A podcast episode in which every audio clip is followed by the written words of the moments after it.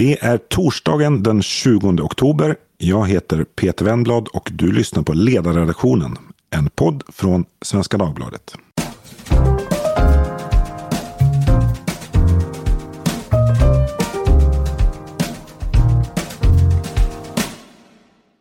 Idag så ska vi prata om vad en nyvald regering eller ett nyvalt kommunstyre egentligen kan uträtta. Hur gör man egentligen för att omsätta politiska program och överenskommelser i handling och resultat? Och går det ens? Eller är de offentliga systemen en så komplicerad apparat att det tar mer än en mandatperiod att förändra? För att låna Jan Björklunds ord om den svenska skolan. Hur lång tid tar det att vända en atlantångare? Och hur får man den sen att hålla kursen? Det här tänkte jag diskutera med en person som precis har gett ut en bok som handlar om bland annat det här. Hur man omvandlar politiska intentioner i verklig förändring. Och inte minst varför det så ofta faktiskt misslyckas. Personen i fråga är en av socialdemokratins mest erfarna doldisar, får jag väl kalla honom. Eh, han heter Erik Nilsson Erik har en lång politisk meritlista. På den finns bland annat sju år som statssekreterare på arbetsmarknads och utbildningsdepartementet under regeringarna Löfven 1, 2 och 3. Han har också varit skol och kulturborgarråd i Stockholm och haft chefsbefattningar på Skolverket och i Botkyrka kommun. Han har med andra ord sett politik och offentlig förvaltning från flera olika håll på flera nivåer och under många år.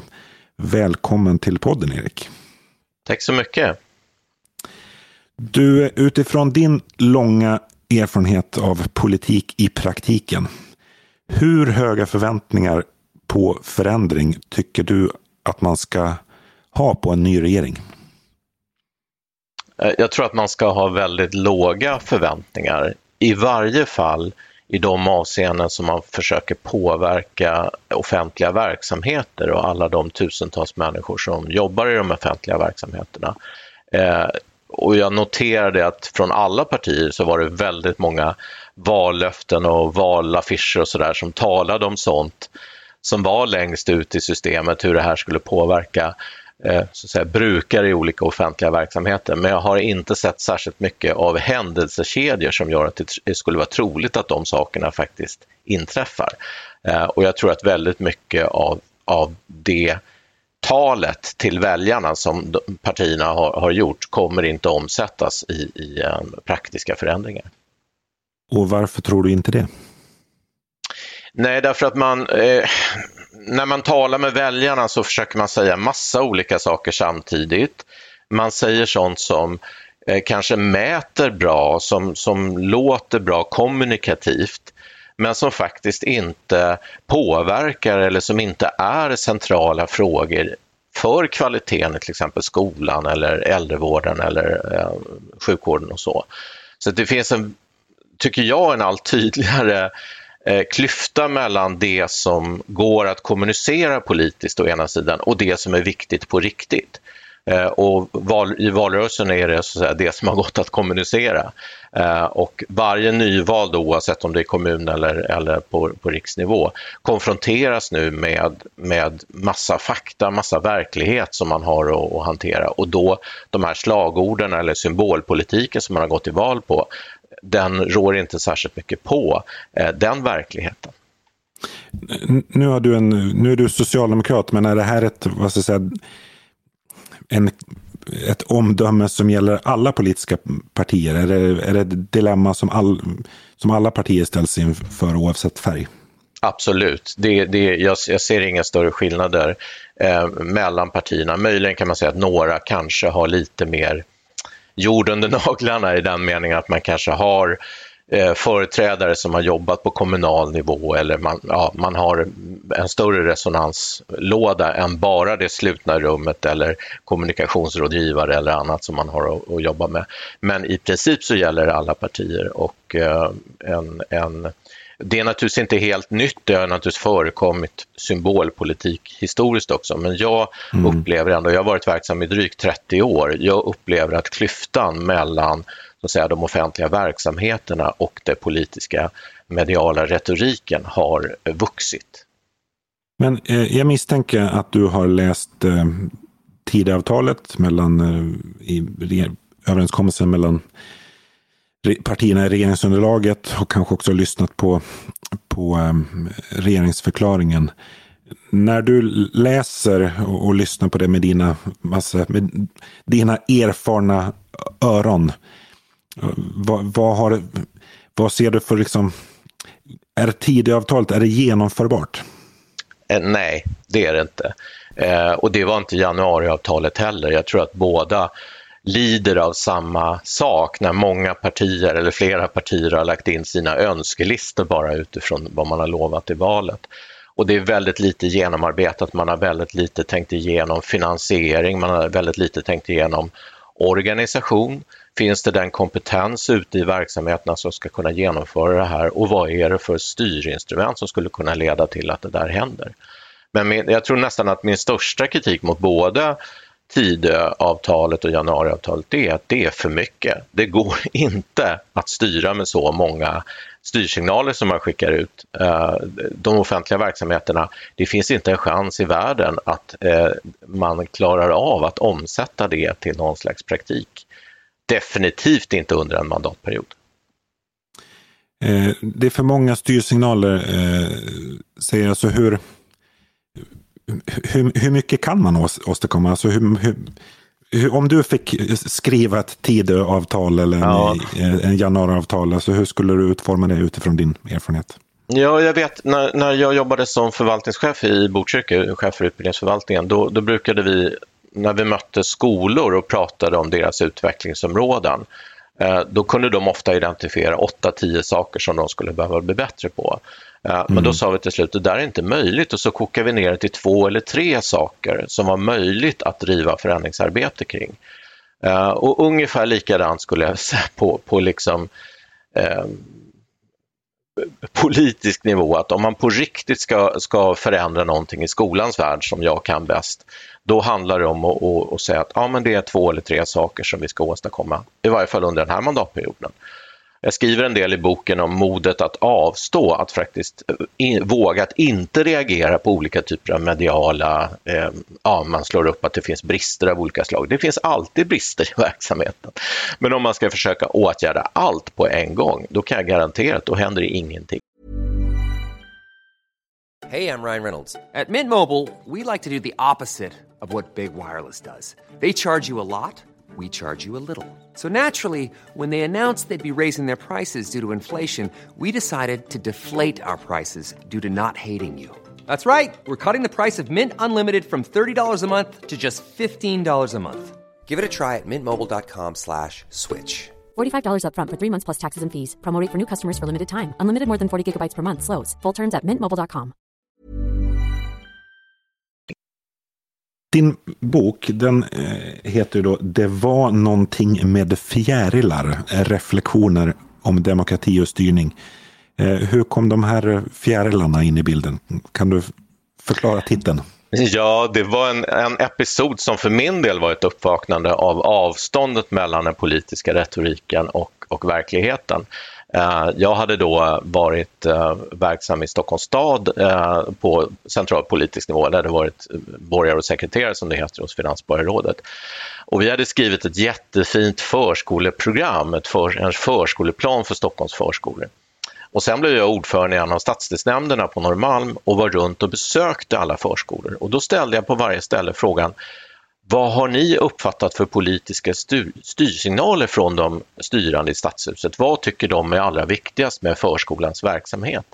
Mm. Och jag hade ju skrivit själv då jättefina saker om språkutvecklande arbete och eh, hur so barnens sociala eh, kompetenser skulle stärkas och så.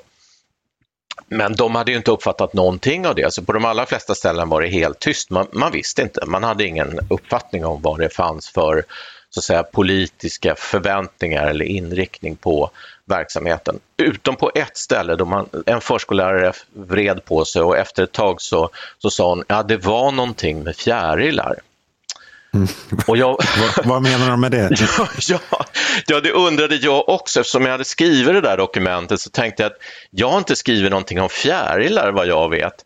Men sen så pratade vi fram och tillbaka lite grann och då fick jag fram att det var den tidigare borgerliga majoritetens affischkampanj för eh, avknoppning av kommunala verksamheter som hade varit under förra mandatperioden. För då hade de nämligen haft affischer på busshållplatser och tunnelbaneaffischer och så i Stockholm eh, att man skulle eh, avknoppa kommunal verksamhet och mångfald. Så det var det bilder av mångfald med olika fjärilar och svampar. Några av lyssnarna mm. kanske kommer ihåg detta. Eh, och det var ungefär det som hade, eh, som hade fastnat, att det var någonting med fjärilar och hon visste naturligtvis inte hur de skulle omfatta det där i, i praktisk verksamhet på förskolan.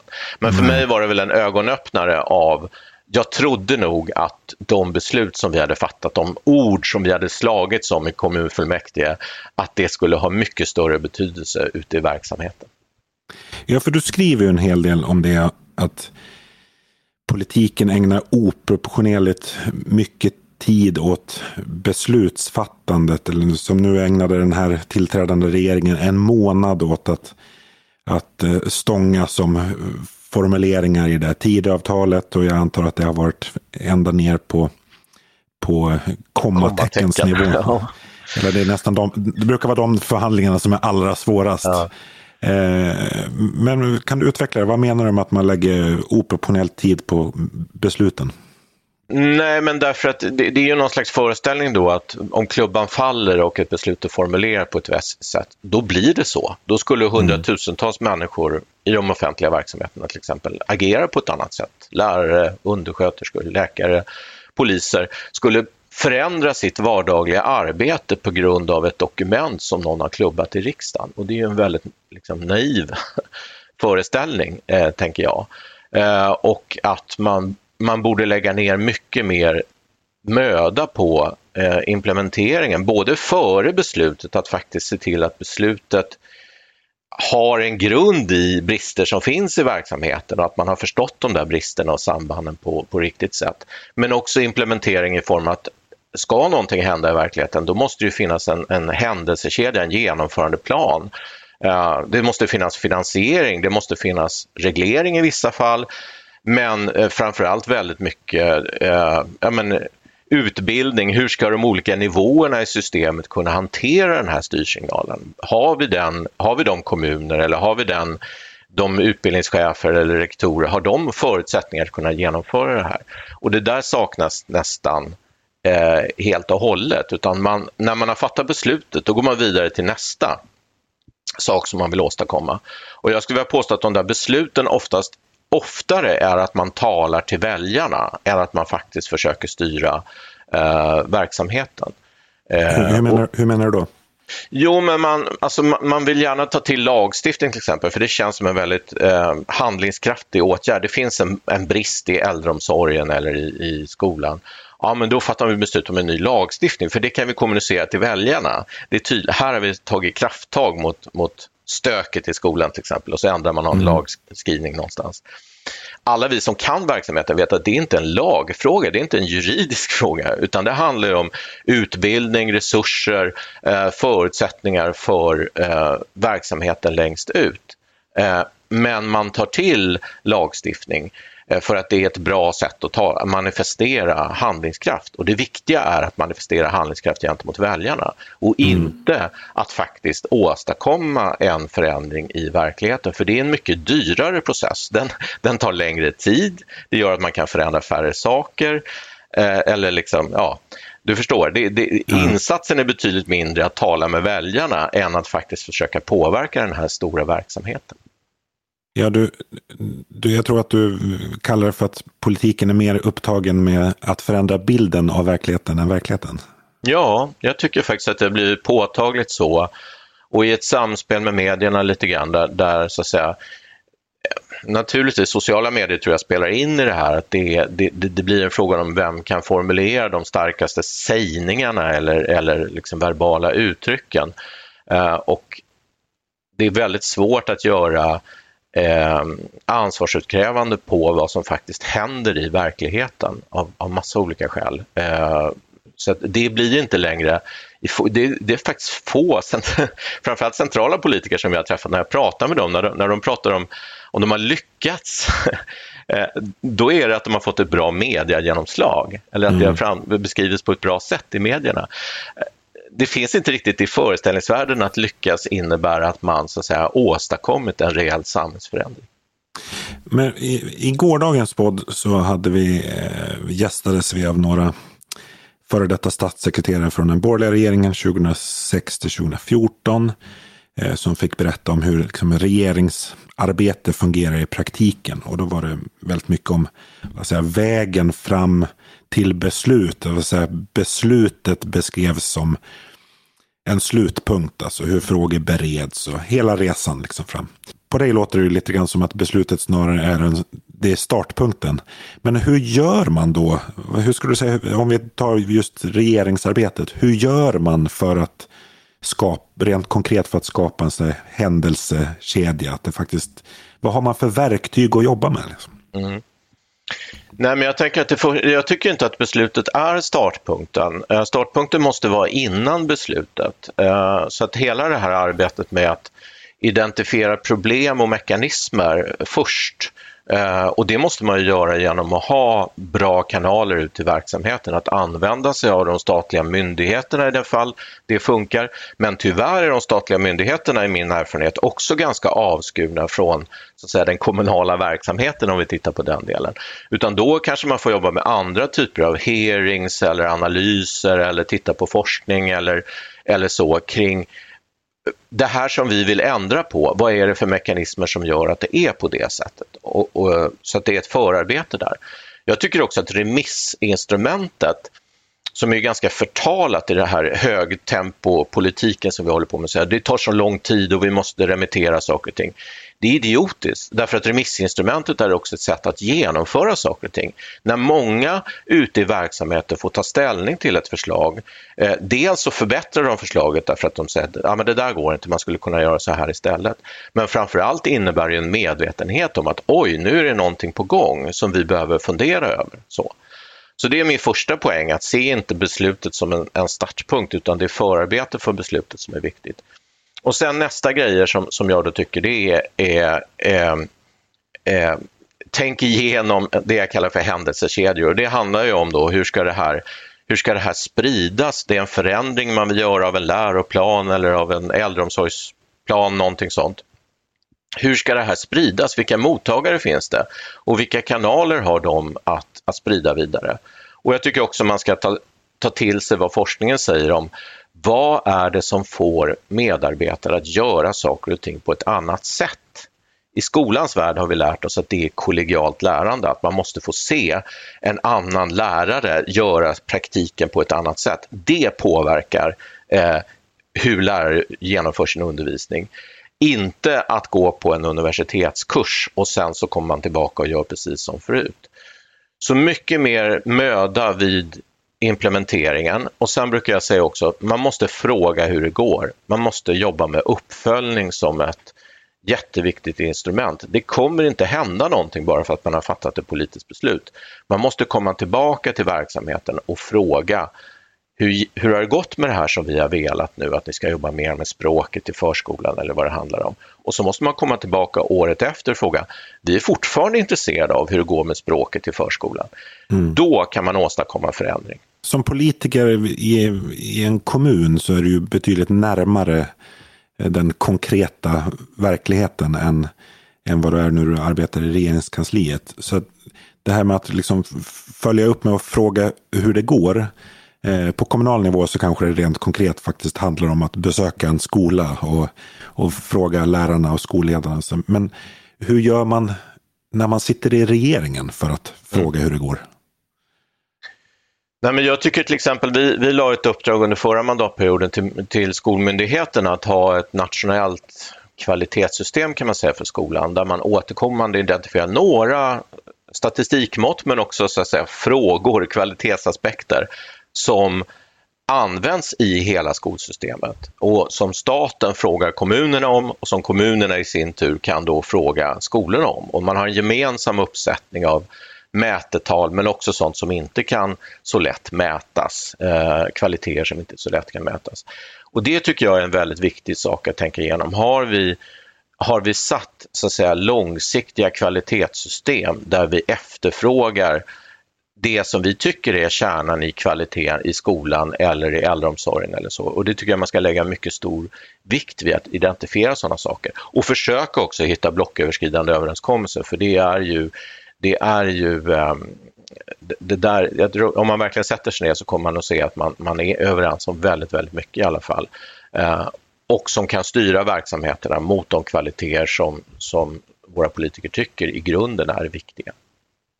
Men du är i boken ganska kritisk mot de vad säger, mätinstrument som, som används idag. Alltså, det är väl de diskuterade New Public Management, alltså när man räknar pinnar och jag menar att mycket av offentlig verksamhet är liksom drabbad av någon slags utvärderingssjuka där det går åt väldigt mycket resurser till att bara återrapportera.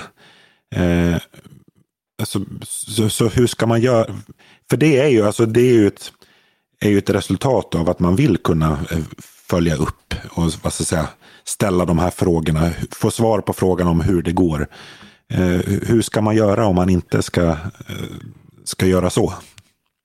Nej, men man ska mäta det, det, det som man kan mäta eh, och man ska ställa ett antal frågor också tycker jag. Det som har varit problemet har ju varit att det har varit, funnits en föreställning om att man, man kan fånga resultat exakt med olika mm. mätetal och att man har haft en resurstilldelning kopplad till resultat som blir ett väldigt fyrkantigt sätt att, att, att mäta och följa upp. Mm. Jag tänker kring kvalitet i offentliga verksamheter, det är mätetal svarar inte på helheten i kvaliteten men det är någon slags raster som man kan använda för att, att, så att säga, få fokus i dialogen om vad som ska bli bättre. Eh, så. så mäta är en grej, men inte ha den där övertron om att allting ska lösas på det sättet. Och, eh, och det finns också ett kvantitativt kvalitativt problem därför att det är ofta så att när vi identifierar sådana där saker så blir det just pinnar som du säger, det blir antal ingripanden av något slag. Eh, polisen kanske mäter liksom antal slutförda utredningar eller antal brott som man har tagit till åtal eller så. Men det kanske inte säger någonting om vad det är komplexa brott eller vi kanske styr det mot väldigt enkla saker och ting som är lätta att rapportera. Ofta är det så, i alla fall i skolans värld som jag känner, att de kvaliteter vi är ute efter, de är inte så himla lätta att, eh, att mäta. Och där tänker jag att en, en, också en muntlig dialog genom hela eh, systemet, det där har ju nu Public Management avvisat. Man har inte velat ha den där kladdigheten mellan politik och förvaltning. Man har velat liksom, det ska vara tydliga beställningar från politiken och sen ska förvaltningen liksom agera på det. Jag tror inte på det. Jag tror att det måste vara en ömsesidig dialog och den där tudelningen, den har ju lett till att den politiska nivån kan uttala vilka drömambitioner som helst och bara ösa på med beställningar och inte behöva bry sig om de praktiska begränsningar som har funnits i form av pengar, i form av personalförsörjning eller lokala förutsättningar eller så. Så att jag tror att man måste närma bilderna till varandra och det, det gör man via någon slags dialog eller förhandling. Eh, så lite kladdigt tror jag nog att det måste vara och ett, ett grundproblem i offentlig förvaltning i Sverige idag det är att avstånden mellan den politiska retoriken och verksamhetens verklighet har blivit alldeles för stort. Hur stora är skillnaderna, eller hur skulle du beskriva skillnaderna i, i att få saker, omsätta politiska intentioner till konkret förändring mellan alltså, regeringsnivån och den kommunala nivån, du som har varit på båda ställena? Ja, jag, jag tycker att den kommunala nivån är underskattad. Det är, eh, det är viktigt och jag, när jag tänker efter, jag har haft alla de här rollerna som du räknade upp. Jag tror att jag aldrig haft större inflytande än när jag var förvaltningschef i en kommun. Eh, faktiskt. Och det känns väl inte så bra. Jag var inte förtroendevald, jag var tjänste, tjänsteperson och jag var på kommunal nivå. Men där fanns det en reell möjlighet att, att, att påverka eh, väldigt mycket. Och jag tror också att i mindre kommuner är möjligheten för den politiska nivån att påverka större än i stora. Jag har ju också varit verksam i Stockholms stad som ju är stor så att väldigt mycket av styrproblemen i Stockholm eh, liknar dem på nationell nivå. Och jag upplever också att den nationella politiken har blivit ännu hårdare medialiserad och tappat sina kanaler till de kommunala eh, till de kommunala nivåerna. Jag menar, förut var det ändå partier består ju av både kommunala företrädare och nationella, men, men det känns som att det är väldigt olika verklighetsbilder man har om man frågar kommunala företrädare än om man frågar de nationella.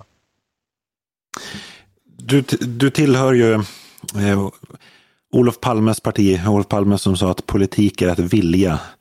Eh, jag tycker att det låter som att den där viljan räcker inte så långt. Alltså, är, det inte lätt, är, det inte, är det inte lätt att bli desillusionerad? Jo, jo det tror jag. Det, jag tror att det är ett allvarligt problem att om vi förenklar det på det sättet, så här, det, det räcker att bara vara engagerad och vilja, eh, så, så, tror jag det är väldigt många som hoppar av och det, det händer väl också att man ser att, jag menar, som blir valda till olika kommunala församlingar inte minst, men även tror jag väldigt många riksdagsledamöter säger, vad gör jag här? Jag har inte möjlighet att påverka någonting överhuvudtaget. Så att jag tror vi behöver ha mer realistiska förväntningar och man måste förstå att det handlar också om kunskap, det handlar om hårt arbete, det handlar om att utnyttja tjänstemannaorganisationen på ett mycket smartare sätt. Du kan inte sitta på slutna partimöten och formulera en politik och sen ska det bli så, utan du måste göra det här. Du måste ta din vilja, för du måste ta din utgångspunkt i en en, en, en ideologisk grund om vilken typ av samhälle du vill ha. Men sen måste du använda dig av professionella och, och tjänstepersoner i systemet för att komma dit. Och jag, jag mm. tänker att det är, nu är det väldigt många nyvalda till exempel i, i, ja, både på nationell nivå och i kommuner. De skulle verkligen behöva så att säga, mer kunskaper, inte bara i hur det formella systemet ser ut, utan hur kan man faktiskt påverka? och kanske sänka sina förväntningar lite grann, men också visa på att det finns möjligheter att påverka om man väljer få frågor, om man håller i, om man frågar hur det går och så vidare. Då har man möjligheter att påverka självklart som politiker. When you're ready to pop the question, the last thing you want to do is second guess the ring. At BlueNile.com you can design a one-of-a-kind ring with the ease and convenience of shopping online. Choose your diamond and setting. When you find the one, you'll get it delivered right to your door. Go to Bluenile.com and use promo code LISTEN to get $50 off your purchase of $500 or more. That's code LISTEN at Bluenile.com for $50 off your purchase. Bluenile.com code LISTEN. Men vad tror du det beror på att eh, politiken är så upptagen med, med de här ja, kommatecknen som flyttas fram och tillbaka och huruvida det ska stå ska eller bör. Eller. Ja, jag tror att det är ert fel. Nej, men det är lätt att skylla på media i alla lägen. Men jag, jag, jag, tänker att en del av det hela handlar om att jag vet ju också men mediebranschen har blivit hårt liksom prövad, konkurrensutsatt. Eh, eh, på min tid när jag var skolborgarråd, då, då hade de stora tidningarna och flera stora tidningar fördjupade skolreportrar som verkligen kunde någonting om skolan, som hade ordentlig kunskap om statistik, som hade tillräckligt många skolbesök i ryggen för att, att, kunna ställa de där svåra frågorna. Men är det verkligen som du säger? Eh, eller kommer det här verkligen hända om, om du gör på det där sättet?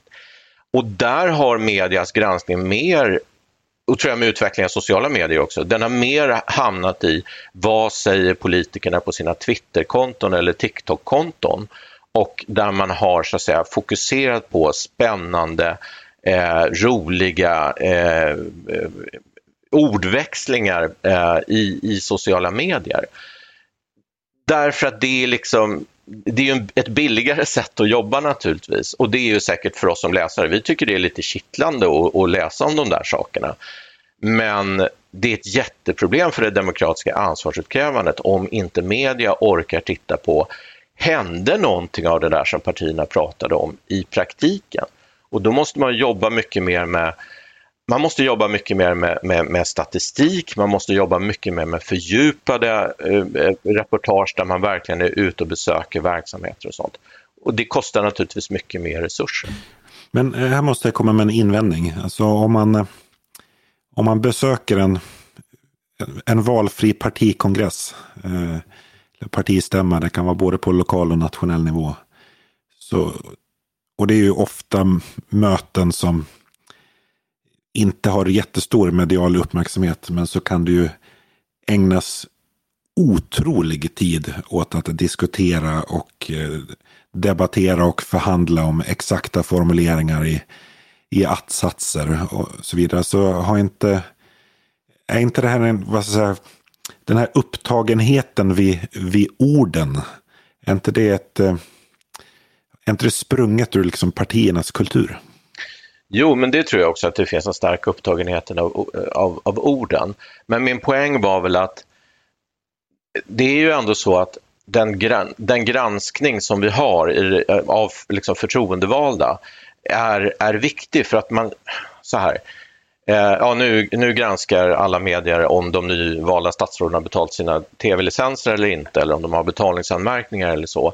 Men det finns väldigt lite granskning av eh, de Eh, så att säga, reformer som de har drivit tidigare, hände de i verkligheten? Jag menar, det här är ju erfarna politiker med, med många år av kommunal bakgrund till exempel. Åstadkom de förändringar? För om man sätter press på det eh, och försöker följa upp i efterhand, hände det någonting där?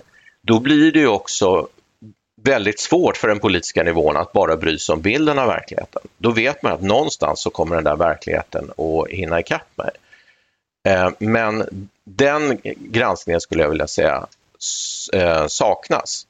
Sen finns det en väldig upptagenhet av orden och allt möjligt och vi kommer inte komma helt bort från det här med eh, ja, men man måste uttrycka sig lite spetsigt i media för att komma fram och så. Men det, måste, det man säger där, de här spetsigheterna måste ha någon slags koppling till ett, ett faktiskt program för att genomföra förändringar i verkligheten. Och det har det sällan idag skulle jag säga. Men du är ju inte den enda i, den politiska, i det politiska maskineriet med lång erfarenhet. Så att man får väl utgå från att det finns ganska många som har vad ska säga, gjort samma reflektioner som, som du. Alltså hur, hur mycket diskuteras det här inne i politiken om liksom genomförbarheten? Nej, jag tycker det är problematiskt. Jag, jag, jag skulle vilja säga att de flesta jag har mött, både på, på riksdagsnivå och kommunal nivå, det är väldigt duktiga människor, kompetenta människor och som dessutom vill väl, även liksom mm. för parti som inte är mitt eget.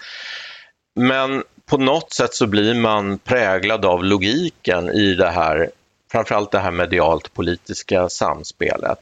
Eh, så att man, man blir, ja, man, man styrs av den här logiken. Det är väldigt många, om du skulle fråga ja, statssekreterare på riktigt liksom, så är det ju väldigt många som tror jag skulle hålla med mig och säga, men gud vilket trams vi har hållit på med, vi borde ha gjort det här och det här och det här istället. Mm. Men samtidigt så är det svårt när du sitter där med, med så att säga, kameran på dig eller, eller micken under, under hakan att säga att nej, det där väljer vi att inte göra någonting åt. Vi, vi avstår till förmån för det stora reformarbetet som vi håller på med här.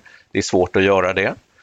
Eh, det kräver ett betydande mod och en betydande Ja, egentligen att flera på en gång skulle göra uppror mot den här logiken som råder just nu. Men jag tänkte att vi skulle bli så väldigt konkreta eh, och nu går vi då till regeringsnivån. Alltså när en regering fattar eh, ett beslut. Ja, men du pratade till exempel om förändringar i läroplanen som jag misstänker att du har varit med om att mm. genomföra. Vad, vad händer eller, konkret efter att sånt eh, beslut fattas? Hur går det till när det implementeras? Mm. Ja, förändringar i läroplan, det, det beror ju på om det är små liksom, detaljförändringar. Men, men nu har det, gjordes det ju en, ett betydande arbete faktiskt med det som det står om i Tidöavtalet, att styra mot mer fokus mot fakta i de yngre åren och en ökad konkretionsgrad. Det gjordes under förra mandatperioden och det är väl faktiskt exempel på ett rätt hyggligt arbete tycker jag om jag får säga det själv. För att det, det föregicks av väldigt mycket där Skolverket hade väldigt mycket lärare som var inne och hade synpunkter och hade dialoger och så vidare. Och sen när beslutet fattats så pågår det också mycket kompetensutveckling. Man diskuterar ute på skolorna vad betyder de här eh, eh, vad betyder de här förändringarna eller hur ska vi, hur ska vi förhålla oss till det här? Eh, men det är ju ett arbete på att, att förändra läroplan, det är ju ett arbete på minst fyra år. Det tar förmodligen längre tid för att verkligen få effekt. Förr brukar man säga att ja, det, i bästa fall så jobbade skolan enligt förrförra läroplanen. Det var ungefär den genomförande eh, tiden som, som var.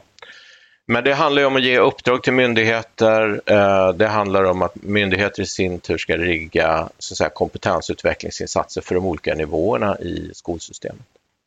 Och uppdrag till myndigheter, alltså då pratar vi liksom i regleringsbrev och andra typer av instruktioner. Liksom. Ja, det är regleringsbrev eller särskilda regeringsuppdrag. Och, eh, och ska de få effekt så måste de också eh, oftast vara långsiktiga. Det är också ett problem i, i den nationella politiken att man tänker ja men det där gör ni nu för vi vill kunna säga att det där ska vara klart då. eh, och man har den där liksom fyraåriga tidsramen på sig eh, oftast. Eh, och det, det räcker inte därför att här pratar vi om, återigen, det är 100, mer än 100 000 lärare som ska göra saker och ting på ett annat sätt. Det är en mm. enorm förändring eh, och det tar tid. Eh, du beskriver, du, du liknar eh, i boken politiken eh, ibland vid en visklek. Det vill säga, alltså, nu har vi pratat lite grann om, eller en hel del om, eh, vad säger hur svårt det är att åstadkomma förändring överhuvudtaget. Men att politiken också kan vara en visklek, det vill säga att det, politik, politiken säger någonting och det som kommer ut längst ut är någonting helt annat. Alltså att det, resultatet är in, man åstadkommer en förändring men inte den man tänkte sig. Mm. Eh, vad, har det samma Beror det på samma saker som när man inte åstadkommer någonting alls? Eller vad, vad, vad styr om man åstadkommer den förändring man vill eller om det kommer ut någonting helt annat? Mm. Ja, en sak är ju kvaliteten på den politiska styrsignalen naturligtvis. Att om den i sig rymmer självmotsättningar som det ofta gör. När du gör politiska kompromisser så säger du egentligen två saker samtidigt. Du säger, I första satsen säger du någonting och i andra satsen säger du någonting annat. Och det är klart att det rymmer ju jätteproblem. Hur ska du tolka det längst ut när det, när det blir uppenbart att det där rymmer en, en självmotsättning? Det kan ju också finnas en väldig luddighet i, i det, det man har sagt. Eh, så. Men det behöver inte vara så, utan det kan också vara så att du försöker förmedla en, en lagens anda. Vad är det vi egentligen avsåg med det här om ja, vi ska motverka kränkningar i, eh, i skolans värld till exempel. Och det är liksom en god och, och, ty, och tydlig avsikt. Men när det där ska då eh, eh, sållas genom de här olika nivåerna. Det, vi pratar ju ofta om kanske sju, åtta beslutsnivåer så att säga, som det här ska sållas och kommuniceras ut då på varje nivå så tolkar man det här utifrån sin egen kontext, utifrån sina egna föreställningar. Eh, och när man då skickar vidare det så, så blir det, blir det liksom färgat av det. Det är väl ungefär det jag menar med viskleken. Och min erfarenhet är att till slut så det som står kvar längst ut, det blir ofta lagens bokstav men inte lagens anda. Det kan bli att nu ska du göra en ny dokumentation. Det är det enda som kvarstår, inte vi måste stärka arbetet mot kränkningar, utan du ska fylla i en ny blankett. Därför det är liksom det skarpa som, som kvarstår i, i, den, i den styrsignalen. Och en, en, ett annat område som, där det, styrsignaler ofta får effekt enligt min erfarenhet, det är ekonomisk styrning. Ekonomisk styrning ger ofta effekter. Däremot är den ofta blind därför att den, det, systemet funkar helt annorlunda än vad man har trott. Så att en ekonomisk styrning ger oftast effekt, men väldigt sällan den effekt man trodde, utan kanske mm. en annan effekt, att, att, så att säga, incitament dras åt ett annat håll. Därför att den som skickade styrsignalen är för okunnig om logiken på de nivåer som, eh, som, som ska följa, eller vilka reella problem som de har. Så det är väl det jag menar med viskleken, att det kommer ut någonting helt annat. Det kommer ut en fjäril liksom när jag försökte skriva någonting om språkutvecklande arbetssätt. Ja, men du, du berättar också om en episod när du jobbade i Botkyrka just om eh, alltså ett, ett mål, det var ett mål och budgetdokument som liksom ja. skulle, skulle omsättas och det eh, slutade bara med att personalen ute i verksamheten blev frustrerad trots att mm. syftet var så. Kan du, kan du berätta kort? Jo, men, men eh, det är ett vanligt problem att man man försöker skriva såna här måldokument som omfattar alla kommunala verksamheter och så var det till exempel i Botkyrka. Vi hade så 18 övergripande mål om, om att ja, saker och ting skulle bli bra i världen i största allmänhet. Och sen skulle det där tillämpas på alla olika verksamheter. Eh, och, och sen så skulle man hitta saker som man följde upp och då följde man upp saker och ting som fanns på, på alla ställen. Och då blev det till exempel om en viss verksamhet var miljöcertifierad eller inte. Mm. Så till slut var det så i den verksamhet i utbildningsförvaltningen som jag ledde, den enda sak som faktiskt rapporterades hela vägen till fullmäktige, det var om förskolan var eh, miljöcertifierad eller inte. Man glömde liksom att rapportera hur går det för ungarna, hur går det för barnen. Mm. Så det där är, och då, då blev ju liksom, det är jättebra och jätteviktigt tycker jag att också förskolorna bidrar eh, i, i liksom grön omställning och det gör de i väldigt hög utsträckning. Men en sån där styrsignal leder ofta till väldigt mycket liksom, byråkratiskt arbete för att visa att man har svarat upp mot den där. Och i själva verket påverkar det ju inte hur förskolorna arbetade ett, ett enda dugg. Det var ju liksom andra saker, medvetenheten hos förskollärarna att, att vi ska jobba med miljöfrågor. Eh, det, var, det kom från ett annat håll än, än eh, den där styrsignalen och styrsignalen genererade mest byråkrati. Mm. Eh, om du utifrån dina erfarenheter skulle ge dina bästa råd både till den nya regeringen och eh, de nya kommunala styren som håller på att träda till här över Sverige. Eh, om hur man ska få genomslag för det man faktiskt vill åstadkomma. Hur, hur lyder de råden? Eh, ja, det första rådet som är väldigt svårt det är styr färre saker. Varje ny mm. styrsignal devalverar värdet på det redan skickade. Eh, ni försöker få med allt och därmed, ja, ni förstör för er själva helt enkelt därför att mm. det går inte att genomföra så många styrsignaler. Sätt er verkligen ner och prioritera. Vad är det allra, allra viktigaste inom det här området som vi vill åstadkomma? Det är liksom nummer ett. Mm. Två, eh, lägg upp en ordentlig implementeringsplan och prata ordentligt med de berörda verksamheterna så att ni förstår, kan sätta in det ni vill åstadkomma i en kontext på ett bra sätt. Och tre är följ upp, eh, fråga hur det går. Och fyra är låt det ta tid. Det är ett extremt svårt eh, råd för politiker som, som bara tänker under en mandatperiod. Men vill man åstadkomma saker och ting i verkligheten, då måste man tänka längre än, än en mandatperiod. Det går mm. inte att förändra verkligheten om man inte har ett längre perspektiv. Sen kanske valet blir på ett annat sätt, men man måste i varje fall tänka i ett längre tidsperspektiv. Eh, Ulf Kristersson har ju faktiskt understrukit eh, här senaste tiden just så här, det vi vill göra kommer att, kommer att ta tid. Eh, tror, du att, tror du att väljarna har det tålamodet? Jag tycker det hade varit bättre om, om politiker från alla partierna hade sagt det innan valet. Alltså, det är ju en del av problemet här att man, att man uppäggar helt fantasibilder av hur, politisk styrning, hur långt politisk styrning kan nå, hur mycket som kan åstadkommas och hur snabbt det går. Mm. Uh, för, för mig, jag höll på att smälla av när jag hörde en del valdebatter om, om liksom hur, hur man tänkte sig att saker och ting ska omedelbart vara på plats eller brotten ska upphöra. Eller, och man bara känner, ja men herregud. Och jag, tror, jag tänker också att väljarna förstår att det inte är så. Så lite lägre tonläge innan valet. Nu är det inte så konstigt att, att Kristersson och andra försöker dämpa förväntningarna på genomförandet, för han vet ju de här sakerna naturligtvis. Mm. Men, men bjud in människor och väljare i de här konflikterna. Eh, det finns motsättningar, det kommer att ta tid, eh, vi kan inte göra allt. Eh, det tror jag ger respekt snarare än den här förenklade primitiva symbolpolitiken som ju faktiskt valrörelsen från alla partier tycker jag har präglats av. Mm. Vi får hoppas att eh, politiker av alla färger och på alla nivåer tar till sig av de råden. Vi ska runda av eh, här. Stort tack för att du ville vara med i Ledarpodden, Erik. Tack så mycket. Eh, tack också till er som har lyssnat. Hör som vanligt gärna av er till ledarsidan svd.se med kommentarer, frågor och förslag på framtida ämnen. Det är inte alltid vi hinner svara, men vi läser allt som kommer in. Eh, producent idag var som vanligt Jesper Sandström och jag hoppas att vi hörs snart igen.